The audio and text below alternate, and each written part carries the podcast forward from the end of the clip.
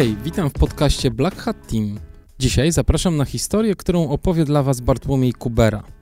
Bartek namieszał trochę na scenie krótkich biegów górskich w 2017 roku, a potem? A potem usłyszycie, co było.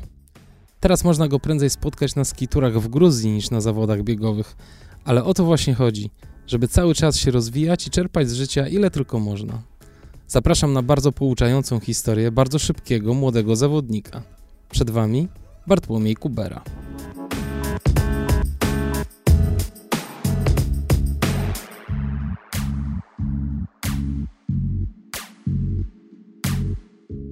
Cześć, nazywam się Bartłomiej Kubera. Mówię do Was z kamienicy w Krakowie, a dokładniej z podkoca z małego pomieszczenia zwanego toaletą, ponieważ uznałem, że tutaj będzie najlepsze wygłuszenie, a chciałbym, żeby jakość tego nagrania była jak najlepsza, aby wygodnie się Wam słuchało i było to przyjemne dla ucha. Chcę opowiedzieć swoją historię, której podejrzewam, że spora część z Was uznamy za człowieka niespełna rozumu wariata i osoby szukającej przygód tam, gdzie ich nie ma. A może znajdzie się też część ludzi, która stwierdzi, że dzieli być może tą samą pasję i jest nakręcana przez te same rzeczy i te same rzeczy motywują ich do działania. Ale zacznę raczej standardowo od opowiedzenia, jak zaczęła się moja historia biegowa i co działo się później, że w tym momencie jestem tu, gdzie jestem. A więc 6 lat temu mój starszy brat zaczął biegać, ponieważ jak to często bywa u facetów w pewnym wieku, pozdrawiam cię Marcin, po prostu troszkę przytył i stwierdził, że czas schudnąć. Dlatego w marcu 2013 roku pochwalił mi się, że nie pamiętam dokładnie w jakim biegu, w każdym razie dystans y, obejmował 10 km, zrobił czas 44 minuty. Jak na tamtą chwilę nic kompletnie mi to nie mówiło, poza tym, że muszę ten czas pobić. Tak więc w tę mroźną sobotę lub niedzielę, w każdym razie na pewno był to weekend, ubrałem leginsy 3 czwarte z Lidla, które mam do teraz. Przepraszam, to nawet nie były leginsy, tylko kalesony. Na to założyłem spodenki do grania w piłkę, buty do grania w piłkę halową, bluzę rowerową i wyszedłem pobiegać w moim rodzinnym mieście na Śląsku. Oczywiście biegłem znacznie szybciej niż powinienem, ale udało się te 44 minuty pobić. Oczywiście od razu pochwaliłem się bratu, że pobiłem jego czas, więc poza tym, że spełniłem swój braterski obowiązek młodszego brata i wkurzyłem starszego brata, to oczywiście był to moment, w którym stwierdziłem, że no, to bieganie nie zawsze za piłką, tylko tak po prostu może być nawet ciekawe. I tak naprawdę od tego momentu zaczęły się treningi. Oczywiście na początku, jak to często bywa, bez specjalnego planu, e, tak po prostu 3-4 razy w tygodniu po 8-10 km. Oczywiście tempo było za wysokie jak na początek biegania. W zupełności wtedy mi nie przeszkadzało i stwierdzałem, że jeśli z treningu na trening będę biegał z większym tempem, to oczywiście zwiększy to moją formę i doprowadzi mnie do poziomu, który wtedy chciałem osiągnąć. Co jak wiadomo, no z perspektywy czasu było totalną głupotą. No ale tak truchtając przez tą wiosnę w 2013 roku, mój brat w międzyczasie również startował i biegał, razem się nakręcaliśmy, więc stwierdziliśmy, że czas, czas podjąć wyzwanie i wystartować pierwszy raz razem, co byłoby dla mnie, co było dla mnie wtedy pierwszym biegiem ulicznym na 10 km. Był to bieg w Tychach, pewnie część osób kojarzy to miasto. Bieg imienia Jana Dery wokół jeziora, które się tam znajduje, Paprocany. Bardzo fajny bieg, w bardzo fajnym terenie. Tak więc 8 czerwca wystartowaliśmy razem w tym biegu i wtedy pobiegłem na 41,23, co jak się wtedy wydawało, dawało bardzo fajny już czas po tak krótkim okresie trenowania. Znaczy tutaj chciałbym dodać, że to nie było też tak, że to była moja pierwsza styczność ze sportem, ponieważ tak jak wielu młodych chłopaków, gdzieś tam biegałem za piłką, trochę siatkówki, trochę właśnie piłki nożnej, ping-pong, ale to raczej tak okazyjnie lub ze znajomymi lub w szkole. Zapomniałem powiedzieć o swoim, ile mam lat. No to tak naprawdę moja przygoda zaczęła się właśnie te 6,5 lat, 6, 6 lat temu, kiedy jeszcze legalnie nie mogłem spożywać alkoholu. W tym momencie mam 24 lat. Po tym biegu, na którym właśnie na Paprocanach, w Tychach, po tym biegu na 10 km, w którym zająłem drugie miejsce w kategorii juniorskiej, co było wtedy dla mnie dużym osiągnięciem, biorąc pod uwagę krótki staż treningowy, Pojawiały się oczywiście kolejne biegi na 10 km, na 5 km, których tutaj nie będę wymieniał, bo pewnie byście się zanudzili. Po tak naprawdę 6 miesiącach w cudzysłowie trenowania, bo było to takie bieganie, czasem z jakimś planem, czasem, jak to mówią biegacze z Nowego Targu, na rympał. Oczywiście stwierdziliśmy z bratem, że nasze doświadczenie już jest tak potężne i nasz staż biegowy tak rozbudowany, że czas sięgnąć po dystans królewski. I tak y, we wrześniu tego właśnie roku, 2013, pojechaliśmy do Wrocławia i wystartowaliśmy w maratonie, w którym, tutaj nie będę opisywał jaką przebiegał, czy pojawiały się ściany, czy ciężko mi się biegło, czy nie, bo oczywiście biegło mi się ciężko, jak na, na to ile wybiegałem kilometrów przed tym maratonem, ale czas był całkiem zadowalający jak na pierwszy start, ponieważ wykręciłem 3 godziny 35 minut. Jednak pamiętam po na mecie powiedzieliśmy sobie z bratem, że to chyba nas, nasz ostatni asfaltowy maraton, ponieważ wysiłek w niego włożony chyba nie satysfakcjonuje nas na tyle, żeby aż tak bardzo cierpieć i dawać popalić swoim stawom. Po tym maratonie dalej startowałem w biegach ulicznych na 10 km, ustanawiając w końcu swój y, rekord życiowy, który jest aktualny do teraz, ponieważ jak się, jak później Wam opowiem, y, nie biegałem już dużo po asfalcie. Rekord na 10 km ustanowiony w 2014 lub 2015 roku, raczej w 2014, czego dokładnie nie pamiętam, to jest 37 minut 16 sekund i zrobiłem to w biegu Korfantego w Katowicach z tym słynnym podbiegiem, bodajże ulicą Korfantego, którędy tak mi się wydaje, że przebiega również maraton Silesia oraz jest przebiega tam też trasa Tour de Pologne. I to była moja życiówka na 10 km i jest w sumie do teraz, bo nigdy jej nie pobiłem i raczej nigdy nie będę próbował jej pobić. Do tego gdzieś tam po drodze wpadł jeszcze gdzieś bieg na 5 km, gdzie też ustanowiłem życiówkę, która jest aktualna do teraz i wynosi ona bodajże 17 minut 13 sekund, coś takiego. Także szczególnie ta, ta życiówka na 5 km pokazuje, że być może gdybym trenował więcej, to ten czas na 10 km dałoby się poprawić pewnie jeszcze z 2-3 minuty. W każdym razie no, nie przychodzę tutaj do Was, żeby opowiadać o bieganiu po asfalcie, bo tak naprawdę w 2014 już roku, kiedy to spróbowałem biegania po górach, zaczyna się to, co ukształtowało mnie jako człowieka pod kątem aktywności sportowej i pasji. Po tych kilkunastu biegach asfaltowych stwierdziliśmy z bratem, że czas szukać nowych wyzwań i 8 lutego 2014 roku wystartowaliśmy mm, w Rajczy. Były to tereny, które znaliśmy, ponieważ często przebywaliśmy w tamtym, y, w tamtym rejonie w górach. Wystartowaliśmy w Rajczy w biegu Wilcze Gronie, Pamiętam, że tamta zima nie była zbyt obfita w śnieg, więc e, w pierwszych butach górskich, które kupiliśmy, to były, wydaje mi się, Adidasy Canadia TR6. To była chyba nazwa swoją drogą fajne buty, bo z tego co pamiętam, kupiliśmy chyba po trzy pary i wszystkie się sprawdziły. Wystartowaliśmy w tym biegu, no ja przyzwyczajony do biegania po asfalcie, gdzie te wyniki nawet pier na pierwszych trzech miejscach w kategoriach juniorskich przychodziły, no nie powiem, że łatwo, ale systematycznie stanowałem na podium. No w, tym, w tych wilczych groniach poczułem, że jednak być może nie jestem taki mocny i trzeba te moje ambicje troszkę wyhamować, ponieważ tam no, to miejsce, no, nie pamiętam, no powiedzmy była to pierwsza pięćdziesiątka, ale spodobało mi się to. I tego samego roku, po półtora roku biegania, zdecydowaliśmy tak samo ambitnie i tak samo optymistycznie, wręcz powiedziałbym bardzo optymistycznie, optymistycznie, a nawet głupio wystartować w maratonie górskim.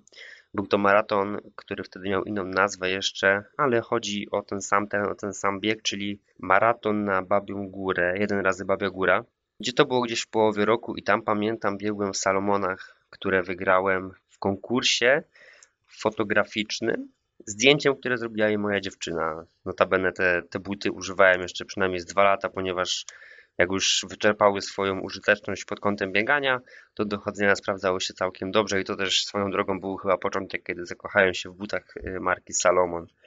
Y, w tym y, też maratonie, oj strasznie mnie ściorało. Ściorało mnie strasznie, ale mam stamtąd też bardzo fajne zdjęcie, chyba jedno z moich lepszych zdjęć, które gdzieś później pojawiło się nawet w którejś z gazecie o tematyce górskiej. No w każdym razie biegliśmy to razem z moim bratem Marcinem i to był chyba ten bieg, na którym y, może y, ostatni bieg, którym tak naprawdę on był lepszy ode mnie. Bo gdzieś ta rywalizacja zawsze była i on pamiętam musiał wtedy mocno ciągnąć, bo ja już y, w okolicach gdzieś tam pewnie 30 kilometra byłem zagotowany i nogi odnowiły posłuszeństwa. No ale czego się dziwić po półtora rocznym stażu biegowym. Biorąc się za trasę maratonu na Babiej Górze, która swoją drogą na najprostszych nie należy, bo przebiega przez potoki, wąwozy, nieraz przechodzi po prostu przez las, gdzie nie ma w ogóle ścieżki, także jak na debiut to nie był to najlepszy pomysł. No ale udało się to ukończyć, satysfakcja była duża i gdzieś to, ta miłość do gór, która była zaszczepiona już pewnie w dzieciństwie, bo przebywałem jako dziecko w domu letniskowym rodziców i gdzieś ta, gdzieś te góry chyba powoli zaszczepiały się już od dzieciństwa, aczkolwiek samo to bieganie po górach, szczególnie właśnie w tym roku, kiedy pobiliśmy Wilczegronie, potem maraton e, Baby Górski, zaczynało mocno kiełkować. I tak w 2014 roku po przeprowadzce na studia do Krakowa no, pojawiły się nowe możliwości. Dla tych, którzy znają i mieszkają w Krakowie, yy, nowością nie będzie, jeśli powiem o Lasku Wolskim. Tak? Wydaje mi się, że to jest unikalne miejsce na skalę polską, gdzie tak naprawdę 5 kilometrów co ja mówię, 5 minut, przepraszam, 5 minut od centrum znajduje się miejsce, gdzie spokojnie można realizować treningi biegowe pod kątem przygotowania się do aktywności górskich, ponieważ jest to, nazwijmy to, bardzo zróżnicowany park miejski, gdzie spokojnie, bez większych kombinacji można zrobić trening 20-kilometrowy z przewyższeniem około 1000 metrów w górę i nie robiąc jak chomik pętli, tylko urozmaicając sobie trasę, ponieważ ścieżek biegowych jest tam mnóstwo. Można też znaleźć miejsca, gdzie można się powspinać. Także naprawdę, jeśli ktoś nie zna, mieszka w Krakowie lub w okolicach, to bardzo polecam sobie tam pobiegać. Tak więc, no, przeprowadzając się do Krakowa, odkryłem w końcu ten Lasek Wolski, gdzie organizowana jest do teraz, zresztą ta impreza bardzo się rozwinęła, y, Grand Prix Krakowa w biegach górskich. Wtedy jeszcze to nie miało takiej rangi, nazwijmy to festiwalu, jak teraz. Najdłuższym dystansem był wtedy, było wtedy 11 km z hakiem. No i postanowiłem wystartować. Starty były co miesiąc i udało mi się y, wywalczyć tam miejsce na podium w klasyfikacji Open po pięciu biegach. Stałem wtedy z, na podium z takimi gwiazdami biegów przełajowych i górskich jak na przykład Sylwester Lepiarz. Wydaje mi się, że ci, którzy biegają pewnie będą kojarzyć tego y, biegacza. Tam również wygrałem kategorię juniorską co jeszcze bardziej rozbudziło moje plany odnośnie biegów. Tak podświadomie jakoś czułem, nikt mi tego nie powiedział, ale podświadomie czułem, że być może mam do tego jakiś potencjał, gdzie również z perspektywy czasu, patrząc na budowę mojego ciała, to nie jest do końca prawda. W każdym razie, przynajmniej psychicznie i pod kątem motywacji, byłem wtedy gotowy, aby, aby biegać więcej i, i walczyć o, o czołowe miejsca również w innych biegach. Te Grand Prix rozgrywane, Grand Prix Krakowa w Lasku Wolskim rozgrywane jest na przełomie roku. Po zakończeniu tego Grand Prix entuzjastycznie do tego podszedłem, że o, pierwsza impreza w Krakowie, taka zaraz po przeprowadzce, od razu stanąłem na podium. Tak więc trzeba było pójść za ciosem i brat namówił mnie na start w pętli BS, tak się to chyba nazywało w Brennej bieg o charakterze sztafety na pętli 16-kilometrowej, polegający na tym, aby w 12 godzin zrobić jak najwięcej okrążeń w parze. No wtedy udało nam się, udało nam się walczyć drugie miejsce Open, co również było, było fajnym osiągnięciem. No i nadszedł wtedy chyba kwiecień. Bieg UBS był rozgrywany w marcu, a w kwietniu był bieg e, Beskidzka 160 na raty, tak ten bieg się chyba nazywał i nazywa dalej, gdzie chciałem przebiec 50 km i to był mój pierwszy DNF. Tam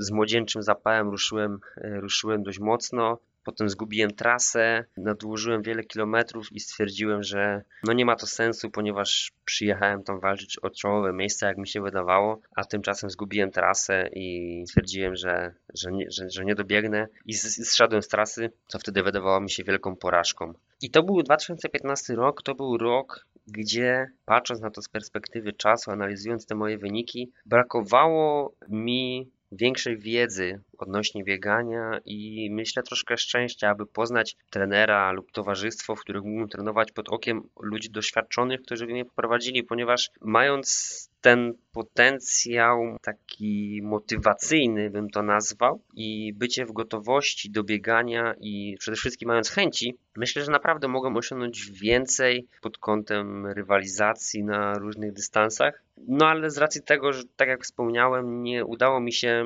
wejść w żadne towarzystwo, a biegając już te dwa lata, troszkę się poduczyłem, więc wydawało mi się, że wiem na tyle, że mogę sobie ten y, plan treningowy ułożyć sam. No więc jakiś tam plan powstał, troszkę z internetu, troszkę z gazet i biegałem według niego. W tym momencie nie nazwałbym y, zorganizowanym planem, który mógł mi przynieść jakieś dobre wyniki, ale wtedy działało. Działało z tym, że było to dużym kosztem, o czym opowiem zaraz. Myślę, raz w miesiącu był przynajmniej jeden bieg górski. Zwykle to było jeszcze częściej. W każdym razie 16 maja odbył się półmaraton Mustanga, gdzie pamiętam biegł również Bartosz Gorczyca. Ja ten bieg ukończyłem na siódmym miejscu. Strasznie mnie tam ściorało.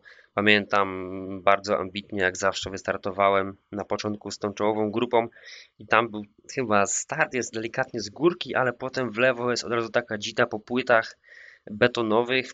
I tam się już strasznie zagotowałem. Dopiero tak naprawdę z tego co kojarzę odżyłem na ostatnim zbiegu po ubitej glinie, po korzeniach, gdzie nadrabiałem te miejsca, bo pewnie nastawiałem się na, na podium w klasyfikacji Open, więc to siódme miejsce nie było satysfakcjonujące. No w każdym razie przybiegłem, nie wiem czy tam były jakieś miejsce na podium w kategorii juniorskiej, tego już nie pamiętam, ale był to bieg, który zaczął okres, najlepszy okres pod kątem rywalizacji myślę, w całym moim tym biegowym życiu, yy, bo był to okres, w którym startowałem dużo. Myślę, że był to też okres, w którym te dwa lata biegania takiego o niezorganizowanego, ale przynoszącego pewne małe sukcesy, był to okres, który zaczął bardzo dobrze procentować i dawać regularnie satysfakcjonujące wyniki w biegach, w których startowałem. I po tym półmaratonie wystartowałem w biegu Marduły. Pewnie jest to jeden z tych y, słynniejszych biegów. Na nim rozgrywane są Mistrzostwa Polski w Tatrach. W tym biegu Marduły, w tych, tych też y, Mistrzostwach Polski zdobyłem 23 miejsce, co było dla mnie wtedy wielkim sukcesem. Rozrobiłem czas 3.39, gdzie tak naprawdę był to jeden z moich pierwszych w ogóle biegów w Tatrach. Trenowałem tylko troszkę, bo oczywiście studia nie miałem wtedy jeszcze takich możliwości, żeby wyjeżdżać w Tatry tak często jak teraz y, i tak często jakbym chciał. No ale te 32 km przebiegłem w 3.39, co tak naprawdę wtedy było dużym zaskoczeniem i z tego co pamiętam znajomi też dziwili jak mi się udało to przebiec. Ale tak naprawdę ja tydzień po tym, po tym biegu, gdzie nie ukrywam, zbieganie po schodach z Kasprowego dało mi się mocno odczuć w mięśniach czworogłowych i również w łydkach. Tydzień po tym biegu wystartowałem w półmaratonie wiślańskim, w którym, w którym walczyłem serdecznie pozdrawiam z Wojciechem Probstem i udało mi się wywalczyć trzecie miejsce Open. Również tam mieliśmy klasyfikację drużynową, gdzie też staliśmy na podium. Także wszystko wskazywało na to, że ta dyspozycja na Mardule jest utrzymana i jakby nic złego z ciałem się nie dzieje i mogę dalej biegać z taką częstotliwością jak biegam. Tydzień później był bieg AGH, to tak naprawdę 5 km. Już wtedy miałem delikatne przemyślenia, no że może po tych dwóch biegach górskich wystartować coś, co pozwoli mi się zregenerować, więc stwierdziłem, że pobiegnę płaską piątkę, no bo przecież nikomu taka piątka nie zaszkodziła. Oj, teraz patrzę sobie na wyniki, że ten, że ten mój rekord na 5 km to właśnie z biegu AGH 17-12. No ale skoro on tak dobrze mi poszło, zrobiłem życiówkę na piątkę, no to dlaczego tydzień później nie wystartować w otwartych mistrzostwach Bielska Białej w biegach górskich? Gdzie też coś tam zakręciłem się e, w czołówce, no ale był to tak naprawdę czwarty bieg biegany co tydzień w czerwcu, a tydzień później, tydzień wcześniej poprzedzone było to jeszcze tym półmaratonem Mustanga. No po otwartych y, mistrzostwach Bielska Białej w biegach górskich, no to skoro tak dobrze mi szło, no to co ja będę rezygnował? Pobiegnę sobie znowu w krótkim odstępie czasu, właściwie znowu tydzień później, y, supermaraton gór stołowych. Pojechaliśmy z bratem w góry stołowe, zapowiadali bardzo wysokie temperatury, no ale co miałem zrobić po takim świetnym czerwcu, jak nie wystartować w czołówce i są nawet zdjęcia, o przeglądam teraz zdjęcia y, na Facebooku, gdzie biegnę przez może pierwsze 5 km na pierwszym miejscu, co w ogóle nie powinno mieć racji bytu wtedy. Konsekwencją tego było to, że dostałem tak w czapę słońcem.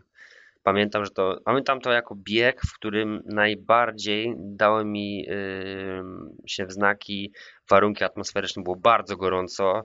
No, pamiętam zawroty głowy, pewnie gdzieś tam otarłem się o udar. Ja też tam pomiędzy tymi skałami w górach stołowych, gdzie byłem pierwszy raz, pogubiłem trasę. No, tak naprawdę od połowy biegu biegłem na oparach. No i na końcu jeszcze te słynne schody przed schroniskiem na Szczelińcu bodajże, które również y, na dobicie pięknie, pięknie dobijały zarówno psychicznie, jak i fizycznie. Ale ten bieg ukończyłem, co prawda na 59 miejscu, więc patrząc na to, że biegłem na początku w czołówce i nastawiałem się na pierwszą dziesiątkę, no to 59 miejsce po tak świetnym czerwcu, jak mi się wtedy wydawało, no to raczej nie satysfakcjonowało mnie, aczkolwiek zadowolony byłem z tego, że udało mi się ten bieg ukończyć, a nie zrezygnować wcześniej. No tak, skoro odniosłem te personalne sukcesy w czerwcu. Skoro średnio mi poszło na maratonie gór stołowych, no to stwierdziłem, że być może warto troszkę potrenować. Oczywiście żadna regeneracja, po co mi regeneracja? Więc ten lipiec po tym maratonie gór stołowych przebiegałem trenując, przygotowując się do imprezy, na którą byłem zapisany, zapisany oczywiście wcześniej. Pewnie niektórzy pomyślą, no, to pewnie pobiegł jakąś delikatną, lightową dyszkę. No, no nic mylnego. Ja po dwóch latach biegania e, wziąłem się za chudego wawrzyńca 80, co było kompletną głupotą. Kompletną głupotą, ale niesiony na skrzydłach młodzieńczej ambicji i fantazji, stwierdziłem, no ja nie przebiegnę, ja nie przebiegnę, jak nie przebiegnę. No oczywiście była wtedy opcja bodajże wybrania trasy, tak, w trakcie można sobie wybrać i powiedz 50 km, no ale nie byłbym sobą, gdybym nie wziął cię za większe wyzwanie. I ja tego chudego wawrzyńca przybiegłem w całkiem, wydaje mi się, sensownym czasie. Zajęło mi to 12 godzin 23 minuty. Przebiegłem go, pamiętam, to był taki mój pierwszy bieg ultra po dwóch latach biegania. Także jeśli ktoś myśli, że biega dwa lata i ultra jest dla każdego i może sobie tak po prostu przebiec bieg, nie jest do końca w błędzie, bo przebiec można, ale jeśli chcesz biegać dalej, w zdrowiu i nie chcesz mieć kontuzji, to nie rób tego. Pobiegaj więcej, wybiegaj swoje dopiero zacznij biegać. Taka rada ode mnie. Ja ten bieg przebiegłem, stopy leczyłem przynajmniej z dwa tygodnie, pęcherze, odciski, ale wtedy pamiętam buty. Buty bardzo mi się sprawdziły. Biegałem wtedy w Salomonkach i te Salomony rzeczywiście fajnie się sprawdziły, a potem w modelu Sense Ride Sens, nie, przepraszam, Sens Pro. Kolejne trzy generacje bieg, biegałem w nich, dalej biegam w tych butach, bo są po prostu świetne. Jeśli ktoś szuka lekkich butów, to naprawdę, to naprawdę polecam. Ja po tym chudym wawrzeńcu bezpośrednio kontuzji nie doznałem, ale to się we, to we mnie narastało i eskalacja tego problemu nastąpiła we wrześniu. We wrześniu wygrałem swój pierwszy bieg w klasyfikacji Open, już nie w juniorskiej. Był to maraton Leśnik z czasem 4,50 pokonałem faworytów, którzy byli obstawiani nawet przez organizatorów, że będą oni raczej obstawać pierwsze miejsce, a tutaj pojawił się pewien młody Bartek i okazało się, że z nimi wygrał. Co, co jest według mnie no, jeden z większych moich sukcesów i byłem bardzo zadowolony, że mi się udało to zrobić, ale był to już gwóźdź do trumny.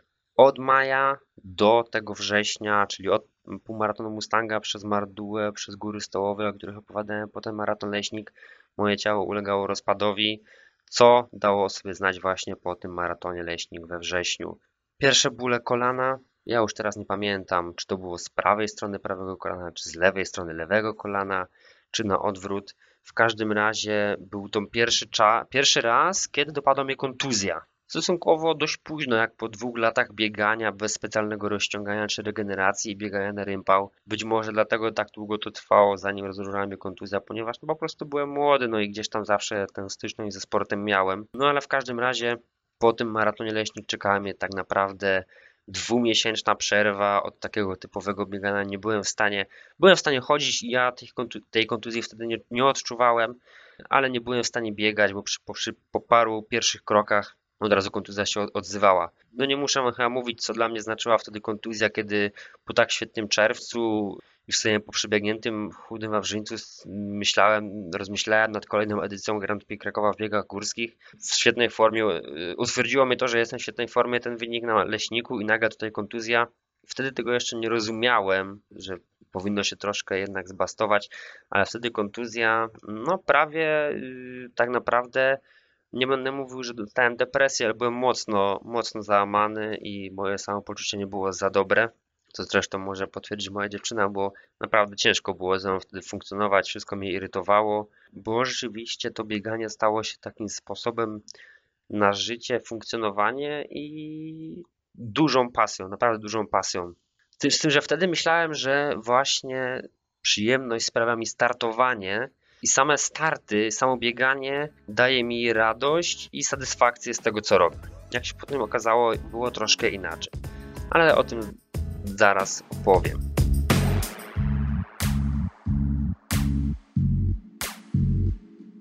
Nastąpiła ta kontuzja, ja na Grand Prix Krakowa byłem zapisany już wcześniej, więc oczywiście no, jak żeby inaczej, biedny student nie przepuści pakietu startowego, więc wystartowałem w tym Grand Prix nie do końca przygotowany, nie do końca doleczony, ale przebiegłem w pierwszym biegu udało mi się chyba wygrać kategorię, nawet nie wiem czy nie Open w tym biegu, już nie pamiętam dokładnie, ale po tym biegłem, to nie ukrywam, biegłem to z kontuzją, bolała mnie noga, po tym kontuzja się odnowiła, Tydzień później pobiegłem z tą kontuzją mm, beskidzką 160 kaneraty ponownie, tym razem półmaraton. Tam cały czas biegłem z kontuzją, bardzo też mnie mocno ściorało, zająłem dziewiąte miejsce. Miałem w planie pobyć tam bodajże maraton, bo była taka opcja, ale stwierdziłem, że po połówce skończę ze względu na tą kontuzję. I potem była długa przerwa. Potem prawdopodobnie odezwała się, odezwało się drugie kolano i przez pół roku byłem nieaktywny, e, zbity psychicznie, mi się nie chciało. Było tak, że jak nie ma biegania, to nie ma sensu robić innych rzeczy.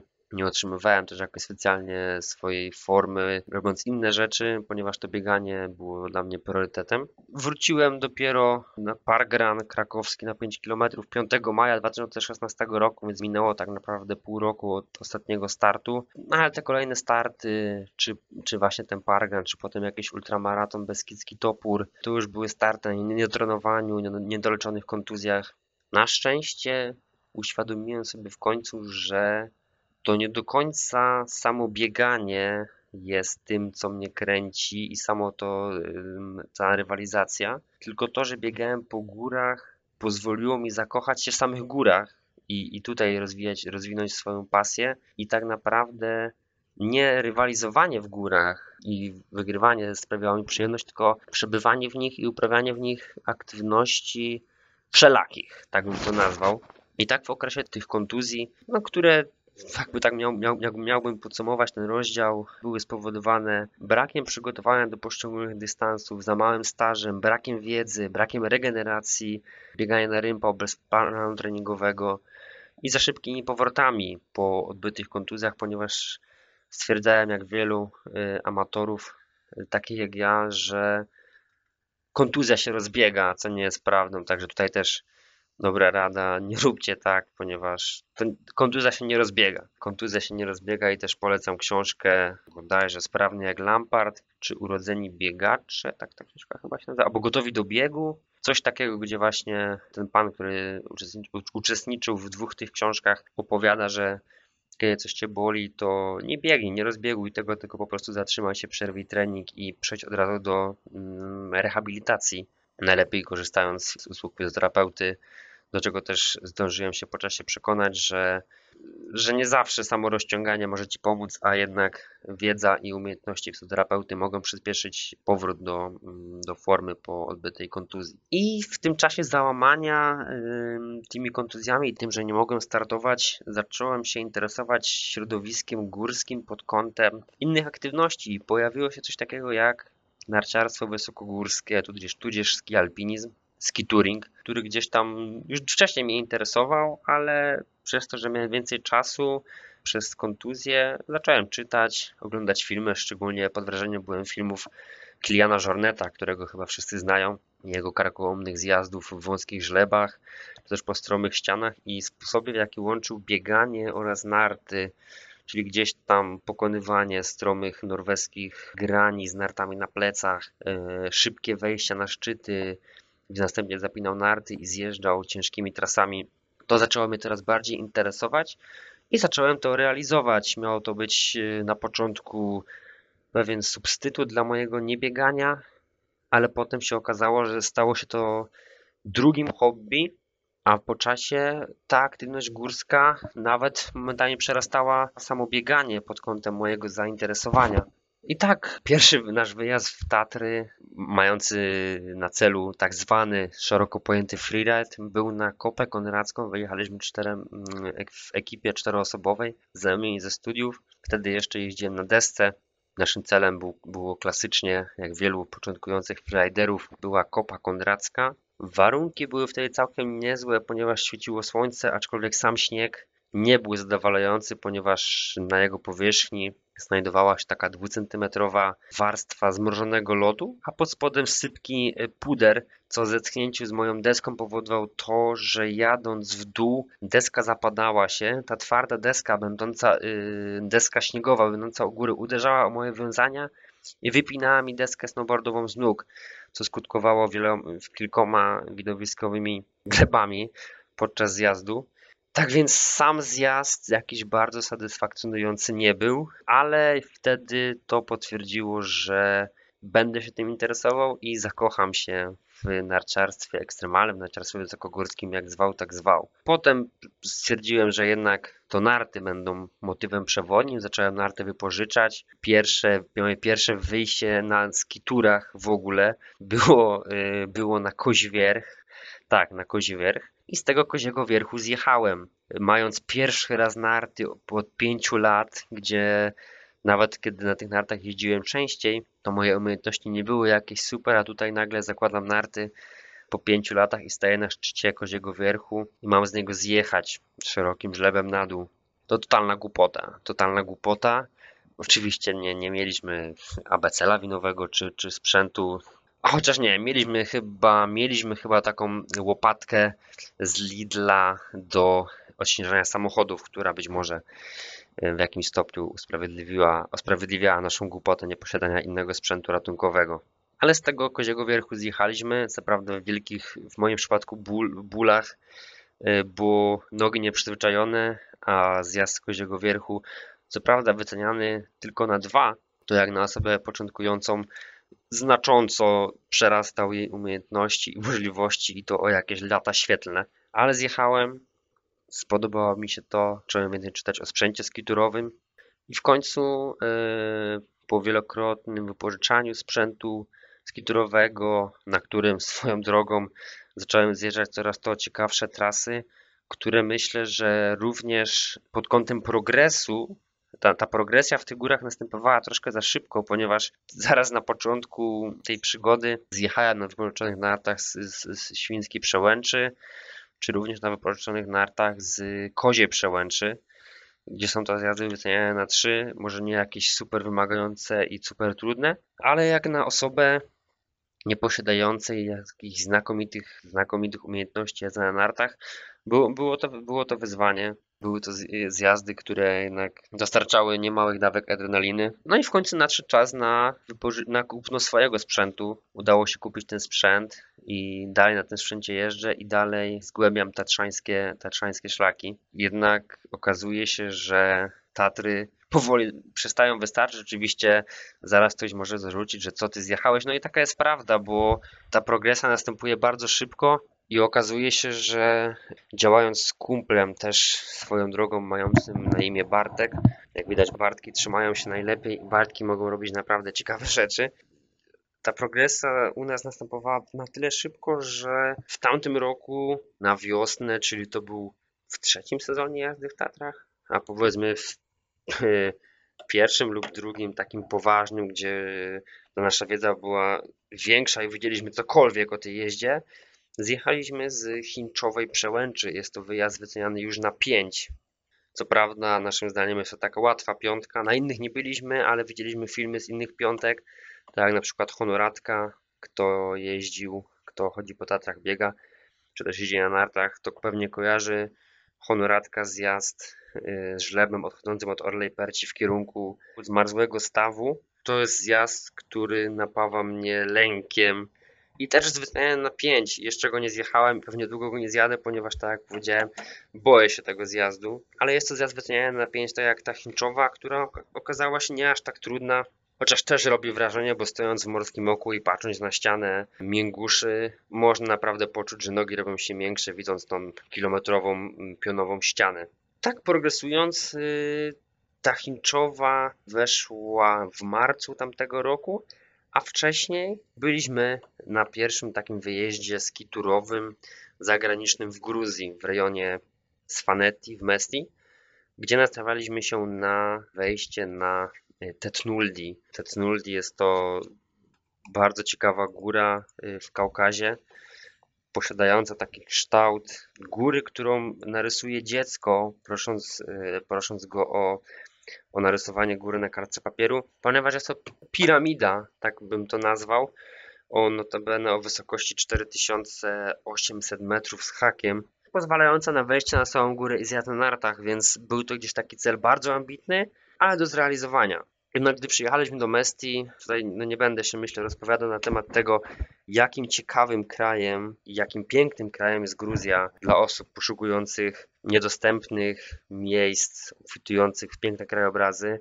Naprawdę polecam, ale to to myślę, że może jak kiedyś gospodarz tego podcastu pozwoli mi nagrać drugi odcinek, to mogę, mogę nagrać tak naprawdę swoje odczucia tylko z Gruzji. No a teraz tak pokrótce, przejeżdżając tam, odnaleźliśmy wioskę, w której poziom biedy był tak oszałamiający, że myślę, że w Polsce ciężko by znaleźć, znaleźć taki region, który wygląda tak biednie jak tamto miasto. Tam naprawdę ludzie żyją w ciężkich warunkach, ale charakteryzuje ich wysoka gościnność i otwarcie dla drugiego człowieka. I, I, tak naprawdę chodząc nawet po miejscach, gdzie po zmroku w Polsce nikt nie wejdzie, tam nie zdarzyło nam się, żeby ktoś nas zaczepił, czy, czy w naszym kierunku skierował jakieś, jakieś uwagi. Będąc w Gruzji nastawialiśmy się na super śnieg i super pogodę. Rzeczywistość była jednak inna. Może nie, nie jeśli chodzi o śnieg, bo śniegu było pod dostatkiem, to przez 8 z 10 dni, gdy byliśmy w Gruzji,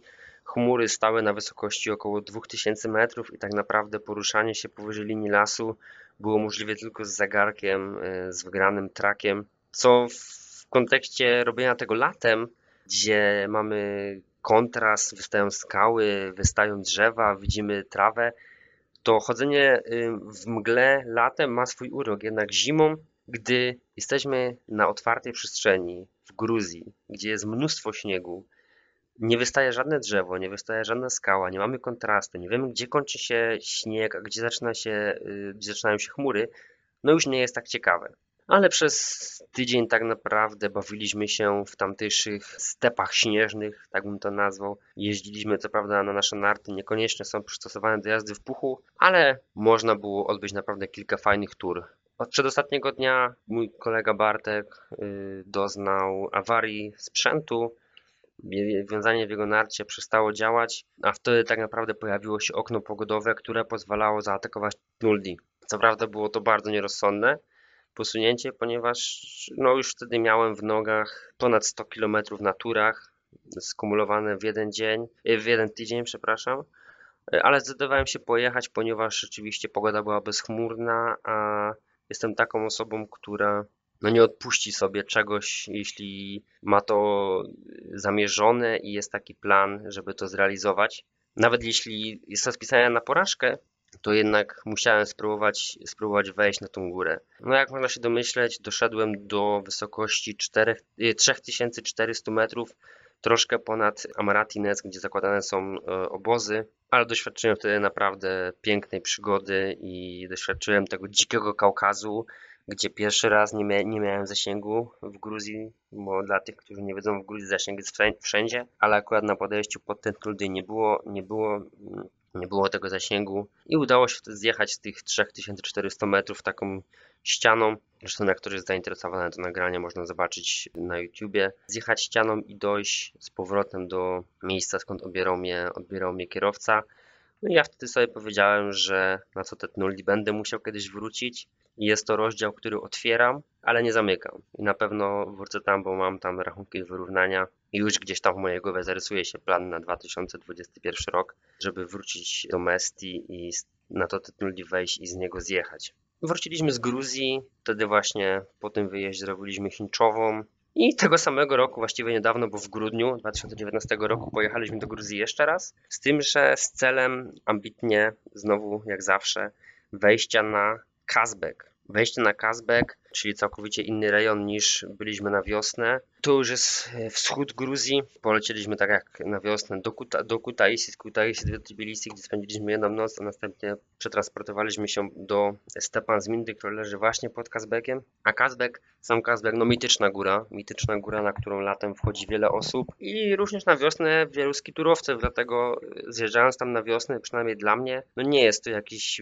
nie jest to jakieś wybitne osiągnięcie i coś, co, co koniecznie chciałbym zrobić drogą klasyczną, dlatego zdecydowaliśmy się pojechać na zimę. No jednak znowu rzeczywistość gruźnicka okazała się inna niż zakładaliśmy, e, ponieważ nie było śniegu, praktycznie nie było śniegu, więc doszliśmy z nartami do 3000 metrów, do tak zwanego Altihat, gdzie spędziliśmy noc takiej budzie z łóżkami piętrowymi, oczywiście bez ogrzewania, bez prądu. I tam te narty zostawiliśmy, bo wnoszenie ich na górę na plecach nie miało sensu, ponieważ śniegu było jak na lekarstwo. Tutaj również no, nie będę się o tej wyprawie jakoś y, szczegółowo rozpowiadał. Doszliśmy do 3700 metrów, tak klasycznie jak wszyscy. I tam powiedzmy był nasz basecamp w stacji meteorologicznej. Zresztą super klimat panuje w tej stacji, szczególnie zimą, bo latem, tak jak wspomniałem, no jest tam mnóstwo ludzi ale sama stacja otwarta, mieliśmy mnóstwo pokoi do wyboru. Prąd był, ponieważ są tam zainstalowane panele fotowoltaiczne, także prąd co prawda o małym natężeniu, ale był. Piękny widok na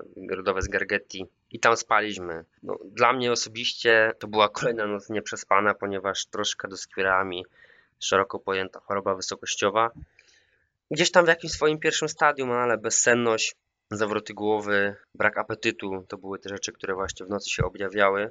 No ale też troszkę za mało piliśmy, bo zalecane jest z tego, co się orientuje, picie 4 litrów na tych wysokościach, a my z racji tego, że jednak trzeba było ten śnieg roztopić w kuchence gazowej, piliśmy o wiele mniej, ale też nie bardzo się chciało wtedy, kiedy powinno się pić, a, a organizm domagał się wody w nocy, kiedy wyjście na zewnątrz na te minus 20 parę stopni po śnieg i roztopienie go w kuchence było bardzo utrudnione. Dwa dni wcześniej do, do bazy przylecieli, przyleciało dwóch naszych znajomych, którzy kiedy my spaliśmy w stacji Meteo, już y, oni założyli obóz na 4200 i tam spali. Jednak zdecydowali się schodzić w dół z powodu tego, że mieli za mało jedzenia na atak szczytowy. Ja wyruszyłem samotnie na ich przeciwko, jednak y, no, był to dzień, w którym myślałem, że zaatakuję szczyt, tak myślałem, że ich dogonię i razem wejdziemy na szczyt, jednak ta chęć zbyt wczesnego dogonienia ich spowodowała to, że co może wydawać się śmieszne, zabłądziłem. Może nie do końca zabłądziłem, ale po prostu chciałem sobie skrócić trasę, którą miałem wgraną do traka, ponieważ trasa na Kazbek wiedzie z prawej strony lodowca, z lewej strony takich skał, z których sypują się, mm, sypuje się krucha skała, idzie właśnie, idzie właśnie po prawej stronie lodowca i następnie odbija w prawo za takim kosturem i wspina się do góry po lodowcu na plateau na 4500. A ja chciałem to ściąć wcześniej i za wcześnie uderzyłem w prawo w ścianę. Tam spotkał mnie, spotkało mnie podejście w ciężkim terenie, a, to, że, a przez to, że nie było śniegu, skutkowało to trawersowaniem, podchodzeniem i schodzeniem na zmianę przez piargi. Z tym, że jeśli znacie piargi z Tatr, to piargi pod Kazbekiem są o wiele gorsze, obsypujące się. Oczywiście robiłem to wszystko w butach skiturowych, które swoją drogą dostały bardzo popalić. Plus te objawy choroby wysokościowej, plus plus tempo, które sobie nadałem, bo chciałem bardzo dogonić chłopaków będących na 4200. Gdy już sobie uświadomiłem, że źle poszedłem, no to miałem do wyboru albo parcie w górę po takich serakach lodowych i po tym piargu i po kruchej skale, lub odpuszczenie i zejście 400 metrów w dół do właściwego szlaku i potem obejście tego kustura dołem. Jednak już byłem za wysoko i stwierdziłem, że pójdę w górę. E, dostałem jednak od nich informację, że zaczęli schodzić, schodzą, chodzą, schodzą tą drogą klasyczną, więc już wiedziałem, że się nie spotkamy, co przekonało mnie do tego, że no nie uda mi się wejść na ten szczyt tą drogą, którą idę i pewnie nie udało mi się tego zrobić w jeden dzień, idąc nawet drogą klasyczną, ponieważ może zabrzmieć to dziwnie, ale zbyt mała ilość śniegu była właśnie powodem tego, że zrobienie tego w tym okresie, w którym tam byliśmy, czyli gdy dzień jest dość krótki, zrobienie tego w jeden dzień od stacji meteo na szczyt jest raczej wykluczone, ponieważ jasno robiło się przed 8, ciemno o 15, więc biorąc pod uwagę, że zejście zajęłoby tyle, ile wejście, to no, było to wykluczone, tak. Tak więc doszedłem, e, doszedłem na 4150 metrów i zdecydowałem się, że schodzę co jednocześnie zakończyło akcję wysokogórską pod Kazbekiem, który ponownie stał się otwartym rozdziałem, otwartym rozdziałem do zamknięcia. I być może tak jak się tam mgliście zarysowuje w mojej głowie, na wiosnę 2021 polecieć do Gruzji i podczas jednego wyjazdu wejść w stylu alpejskim na lekko na Tetnulli, a potem jakimś cudem przemieścić się pod Kazbek i wejść na Kazbek, z którego zjechałbym południowo-zachodnią ścianą, którą zjechali chyba w tamtym roku, a dwa lata temu Polacy. No zjazd tą ścianą byłby o wiele ciekawszy niż zjazd drogą, yy, drogą klasyczną, którą zjeżdżają wszyscy skiturowcy na wiosnę. I to był kolejny projekt, który który zrealizowaliśmy, co prawda nie, nie w całości, ale, ale na pewno zebrane doświadczenie pozwoli na bardziej skuteczną działalność w przyszłości. Pierwsze zetknięcie z chorobą wysokościową choćby, czy, czy roztapianie śniegu w kuchence, to było wszystko, to było wszystko nowe dla nas, więc no, nie będę nazywał tego, nie, nie nazwiemy tego, wy, tego wyjazdu porażką. W międzyczasie był też pewien projekt y, jesienny, polegający na przebiegnięciu Tatr charytatywnie dla pewnej dziewczynki. Także takie rzeczy jak wyjazd na Kazbek, czy pierwszy wyjazd do Gruzji, czy kolejny planowany projekt, oprócz tego projektu gruzińskiego w 2021 roku, to projekt bardziej bliski dnia dzisiejszego, czyli wyjazd, stolowy wyjazd w Alpy, mający na celu w naj, najkrótszym czasie zdobycie trzech alpejskich szczytów. Trzech alpejskich szczytów znajdujących się w trzech krajach. Chciałbym powiedzieć w trzy dni, bo tak nazywa się ten projekt Trzy szczyty w trzech krajach w trzy dni, ale optymistycznie patrząc zajmie to, bardzo optymistycznie patrząc przy sprzyjających warunkach, Zajmie to pewnie z dojazdami około 5 dni, co i tak będzie fajną rzeczą do zrealizowania. Te szczyty to Zugspitze w Niemczech, Grossglockner w Austrii oraz Eger w Szwajcarii. I wszystkie te szczyty chcę zrobić w konwekcji biegowo-skyrunningowej połączonej ze skituringiem, także szybkie wejścia, zjazdy do samochodu, regeneracyjna kolacja pod względem na buty gazowej i przejazd pod kolejny szczyt.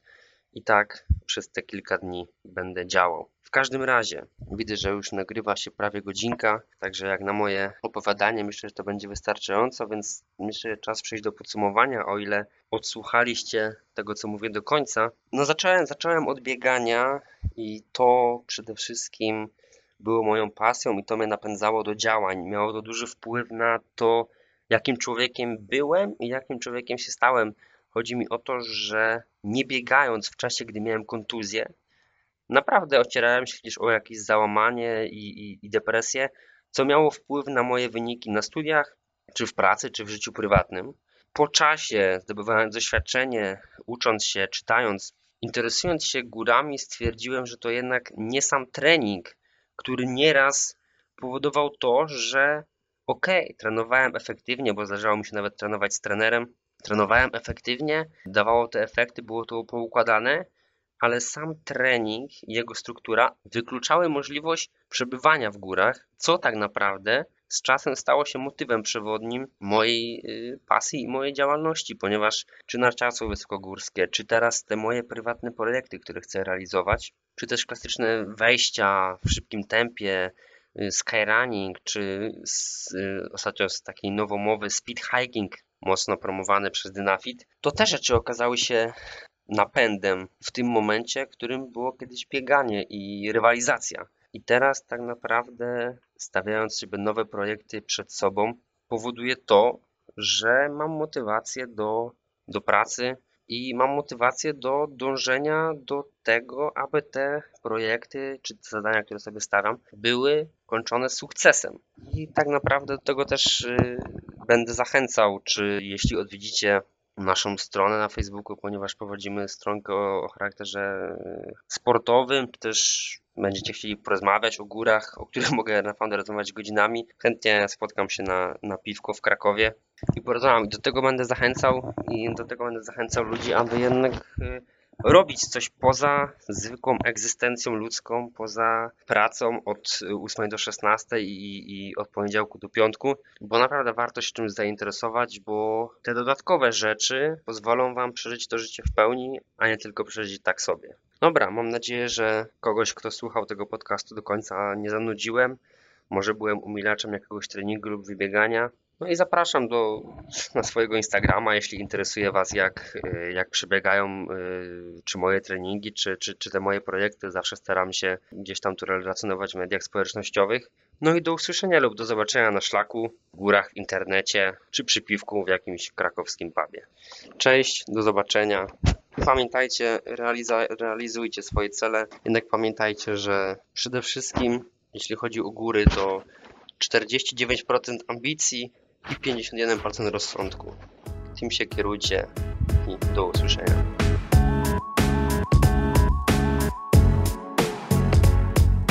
Bartek, dzięki serdecznie za tę opowieść. Mam tylko nadzieję, że rozwaga nie będzie cię w górach opuszczać. Tymczasem dziękuję Wam za odsłuchanie kolejnego odcinka Black Hat Team. Jeżeli chcecie się przedstawić i opowiedzieć swoją historię na łamach tego podcastu, to zapraszam serdecznie do kontaktu piszcie do mnie maila ultra małpa blackhatultra.pl Zapraszam również do odsłuchania już ponad 40 zrealizowanych rozmów z ultrasami w podcaście Black Hat Ultra. Słyszeliście o tym podcaście? Pozdrawiam gorąco i do usłyszenia wkrótce. Kto następny? Może ty? Buźka.